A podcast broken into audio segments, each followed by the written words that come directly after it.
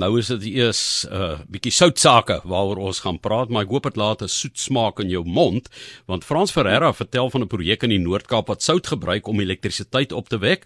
Nou ehm um, Frans is 'n afgetrede siviele strukturele ingenieur wat ongeveer 5 dekades al 'n half eeu, 50 jaar in die Noord-Kaap gewoon en gewerk het en uh werk werk tans vir 'n Spaanse groep, maar Frans, ehm um, vertel vir ons 'n bietjie uh watter dele van Suid-Afrika het jy gewerk?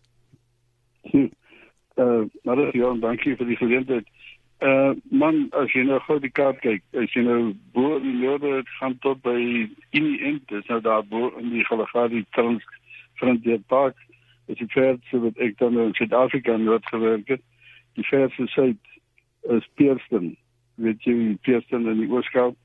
Dan outomaties aan die aan die weskant is dit uh, eh, uh eh, dinges by uh wat Alexander by. Ja. Wat uh, ons grenspost gedoen het en aan die ooste kant is dit Taung.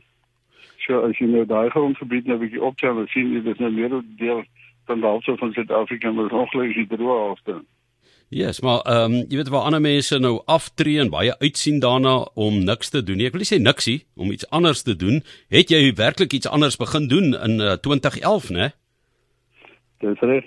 Ek het nou per ongeluk het ek nou daar betrokke geraak. 'n Vriend van my het 'n uh, probleem gehad met uh, die beton wat hulle gebruik het op die van die sonplase. Hy het die beton verskaf en toe die beton nou nie alles gedoen het ons dit moet doen en toe raak ek nou betrokke daarbey en wat die res is geskiedenis is ek nou kan bietjie van die wees.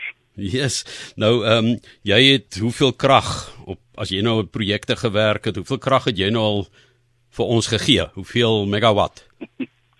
Ah, uh, dis seker so 500 megawatt. Dis ek nou ek het nou nog nie eintlik opgetel nie. By by van die projekte het ek nou minder mee te doen gehad. Een wat ek nou by is is nou een wat ek nog redelik gereeld mee te doen het. Elke nou en dan met die terrein besoek en elke week kry ek 'n verslag van my verteenwoordiger daar op op die terrein. Ja, ek verstaan jy het al aan aan meer as 7 projekte gewerk. Nou, ehm um, wat beteken megawatt? Ek ek wil net sommer net gou want dit is 500 of 1100 of nee. jy weet wat, hoe kan 'n mens dit omsit in vir gewone mense om te nou, verstaan? ja, uh, ek is ook nie 'n gewone mens maar as jy nou mega is 1000 So dis nou 500 000 watt wat ons nou al daar voorsien het, ons het net vir die uur voorsien, dan is dit nou 'n goeie Afrikaanse eenheid wat jy vir die munisipaliteit koop. 1 1 kilowatt uur, dis 'n eenheid wat jy vir die munisipaliteit koop waar jy die einde van die maand betaal. ja. Ehm um, dit is ook 'n ander storie. Ek gaan nou nie daai som vir jou vra nie, maar dis baie interessant hoe julle nou met sout werk. En is dit 'n nuwe tegniek? Is dit 'n paar tegnieke metodes wat bymekaar gekom het om uit sout uit elektrisiteit op te wek? Ja die die sout se werk is eintlik iets heeltemal anders dan die die sout is 'n mengsel van natrium en kalsium soutte al twee nitrate wat nou gemeng word en dan word dit nou die rede hoekom dit gebruik word is dat dit smelt so iets so by 220 grade Celsius. Smelt dit dan is dit nou vloeistof en dan kan die die sout word dan nou getransporteer in pype af byvoorbeeld in die een tipe wat ek nou doen is 'n breëse toring in die middel so 200 meter hoog en klop steel aan die kante wat dan nou brand soos 'n ou daai jy nou stout was jy nou seker by jou ma se huis nog iets vergulf was gevat en dan gaan ek hier na gordyne gebrand. Want ek het dit gedoen maar uh, dit is nou die dis nou daai en dan gaan jy daarvan af gaan jy uh, die gesmelde sout word dan nou afgepomp en dit word gebruik as die brandstof en aanhalingstekens wat water verander in stoom en die stoom verander uh, geword gebruik in 'n turbine wat 'n uh, generator aandryf en dan pomp ons die krag in die pad af. Nou vir wat so, dit is eintlik die die die sout is eintlik net 'n manier die die groot rede vir dit 'n groot woorde wat uh, ouers gebruik die sout se soortelike hitte is baie hoër as water se so ander woorde as jy elke elke liter water wat jy gebruik uh het jy minder sout nodig om te laat kook as wat jy dit nou sou doen op 'n ander manier. So die dis van die die brandstof wat nie brand nie, as ek dit so kan sê. Ja, so ehm um, as jy nou water warm maak kan jy tot wat wanneer dit begin kookpunt, dan sit kan 'n mens ja. dit nou warmer maak as 100, uh, eh, jy weet, ek kan amper sê nee, jy, jy kan dan as jy nou weer 'n groot brandstof so brand 130 grade ja. uh, Celsius maar uh, dan die die oudjies wat nou as hy nou klaar gesmelt is en ons gebruik hom dan is hy so tussen 5 en 700 grade Celsius. So jy het baie min van hom nodig om stoom te maak.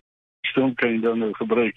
Die agterkant van al hierdie installasies of jy nou kernkrag of jy steenkool of jy nou sonkrag gebruik, is almal dieselfde. Die die die, die, die generator sien dit die idee is eintlik so uit die berge.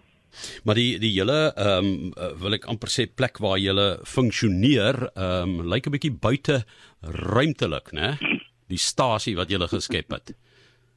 Ja, dit lyk nogal dinge, dit lyk nogal so of ons vanaand 'n bietjie moeilikheid hier om nou bietjie meer fancy as hulle te wees. Maar eintlik kry jy twee soorte, jy kry nou die monitoring in die middel wat nou eintlik baie meer skouspel agter is.